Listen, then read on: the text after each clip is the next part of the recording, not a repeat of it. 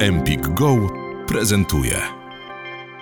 Dzień dobry. Zaczynamy kolejny odcinek Ducholożki na tropie różnego rodzaju miejskich legend, ukrytych kodów i wzorów naszej kultury i tego, jak, jak myślimy i się porozumiewamy.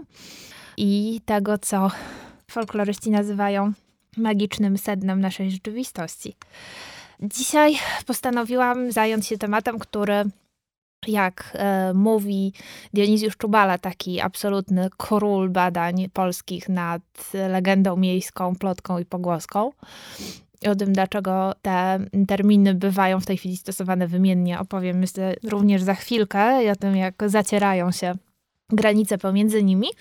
Jak mówi wspomniany Dionizjusz Czubala, jeden z moich absolutnych idoli w zakresie folklorystyki i etnologii, badań nad kulturą, on wskazuje na to, że bardzo często takim impulsem, katalizatorem do rozpowszechnienia się jakiejś legendy miejskiej, czy różnego rodzaju nieprawdziwych, czasami niebezpiecznych pogłosek, są aktualne wydarzenia, które wywołują jakąś niepewność, które wywołują lęk, kiedy jest niepełna informacja na jakiś temat, kiedy żyjemy w napięciu, wówczas jakoś ta masowa wyobraźnia zaczyna sobie uzupełniać opowieściami, wzorami, domysłami te dane, które są dostępne. No i oczywiście jeden z takich tematów elektryzujących wszystkich, który dotyczy każdego, którym każdy się przejmuje, to jest oczywiście zdrowie i możliwe zagrożenia dla niego, a ponieważ żyjemy akurat w momencie, w którym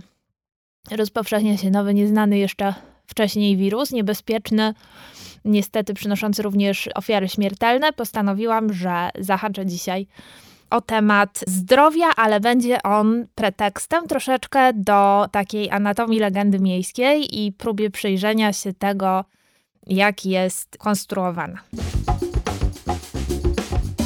Dionizjusz Czubala opowiada, że jakby tak zwane legendy zarazy są jednymi z najstarszych, na pewno znanymi również od średniowiecza, takimi, które mają bardzo niebezpieczny potencjał, dlatego że one jakby służą samoobronie w pewnym sensie, ale jest to samoobrona bardzo często także przez wykluczenie różnych grup ludzi, które są kojarzone zazwyczaj błędnie ze źródłem jakiejś choroby. To znaczy, w, no może, może to prowadzić do tragicznych konsekwencji, do izolacji, do wrogości, ale nie tym się dziś zajmiemy, choć jest to, jest to temat również bardzo ciekawy, ale chciałabym opowiedzieć o tym, jak właśnie ten lęk i obawa y, przed zagrożeniem dla zdrowia i życia sprzyja podatności na legendę miejską. No i jest to legenda, z którą być może kiedyś się zetknęliście.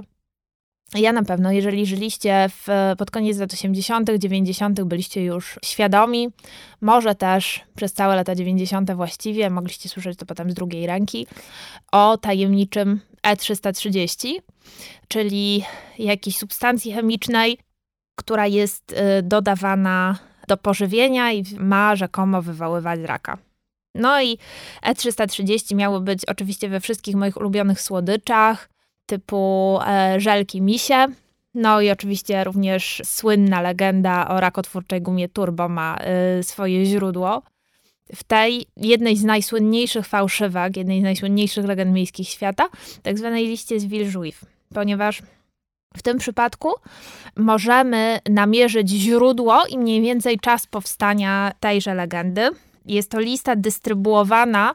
Ja pamiętam ją w maszynopisach, które krążyły. Ludzie przepisywali je na maszynach do pisania w domowym zaciszu rozpowszechniając je wśród krewnych i znajomych, żeby ostrzec ich przed tym, jakich słodyczy jeść nie wolno, bo przede wszystkim jakimś dziwnym trafem te niebezpieczne substancje to były niestety głównie słodycze, w związku z czym no, dla dziecka, które trafiło akurat y, na rodziców przejmujących się tym potencjalnym niebezpieczeństwem dla życia i zdrowia, no był to absolutny dramat, ponieważ no, w takim przypadku można było chyba tylko jeść, nie wiem, rodzynki z sernika. Ale wróćmy do listy z Wilżuif, która wywołała ogólnoeuropejską panikę powracającą falami od lat 70., 80., no i koniec końców trafiła również do Polski. Po raz pierwszy odnotowano przypadek właśnie masowego rozpowszechnienia tej listy w 1976.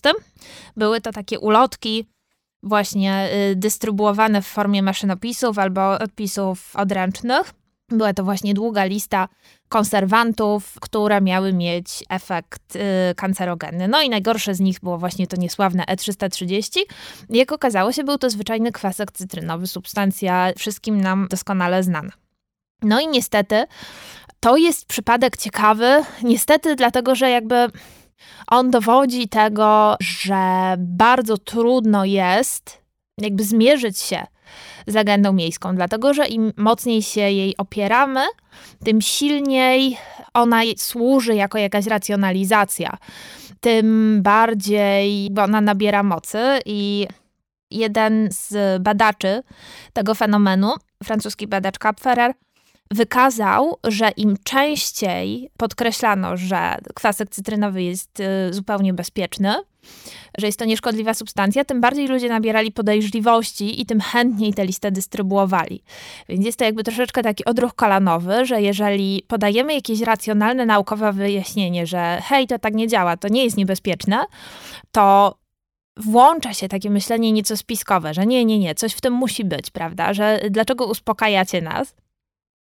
Pamiętam również, że ta lista była rozpowszechniana, czy jakieś jej powiedzmy remiksy pojawiały się w prasie, w tak zwanych czasopismach konsumenckich w okresie transformacji. Dlatego jest to dla mnie jeden z fenomenów takich bardzo, bardzo duchologicznych.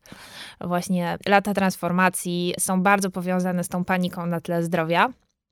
Zresztą nie była to jedyna dlatego że na przykład katastrofa w Czarnobylu również y, wygenerowała bardzo dużo legend miejskich, plotek i pogłosek, czy też na przykład to są powszechnie znane również legendy związane z pojawieniem się wirusa HIV i z nosicielami tegoż wirusa wiązano właśnie różne legendy miejskie, na przykład o o chłopaku, który obudził się po jakiejś upojnej nocy z przypadkowo poznaną dziewczyną i zobaczył na lustrze napis szminką Witaj w klubie wirusa HIV. Tego typu opowieści właśnie krążyły w latach 80., demonizujące oczywiście nosicieli i przyczyniające się do jakiejś izolacji, do budowy takiej ściany strachu.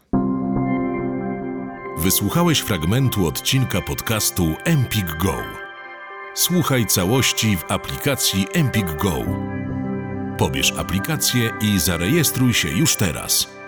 Wybieraj spośród tysięcy audiobooków, e-booków, audioseriali i podcastów. Masz 14 dni za darmo.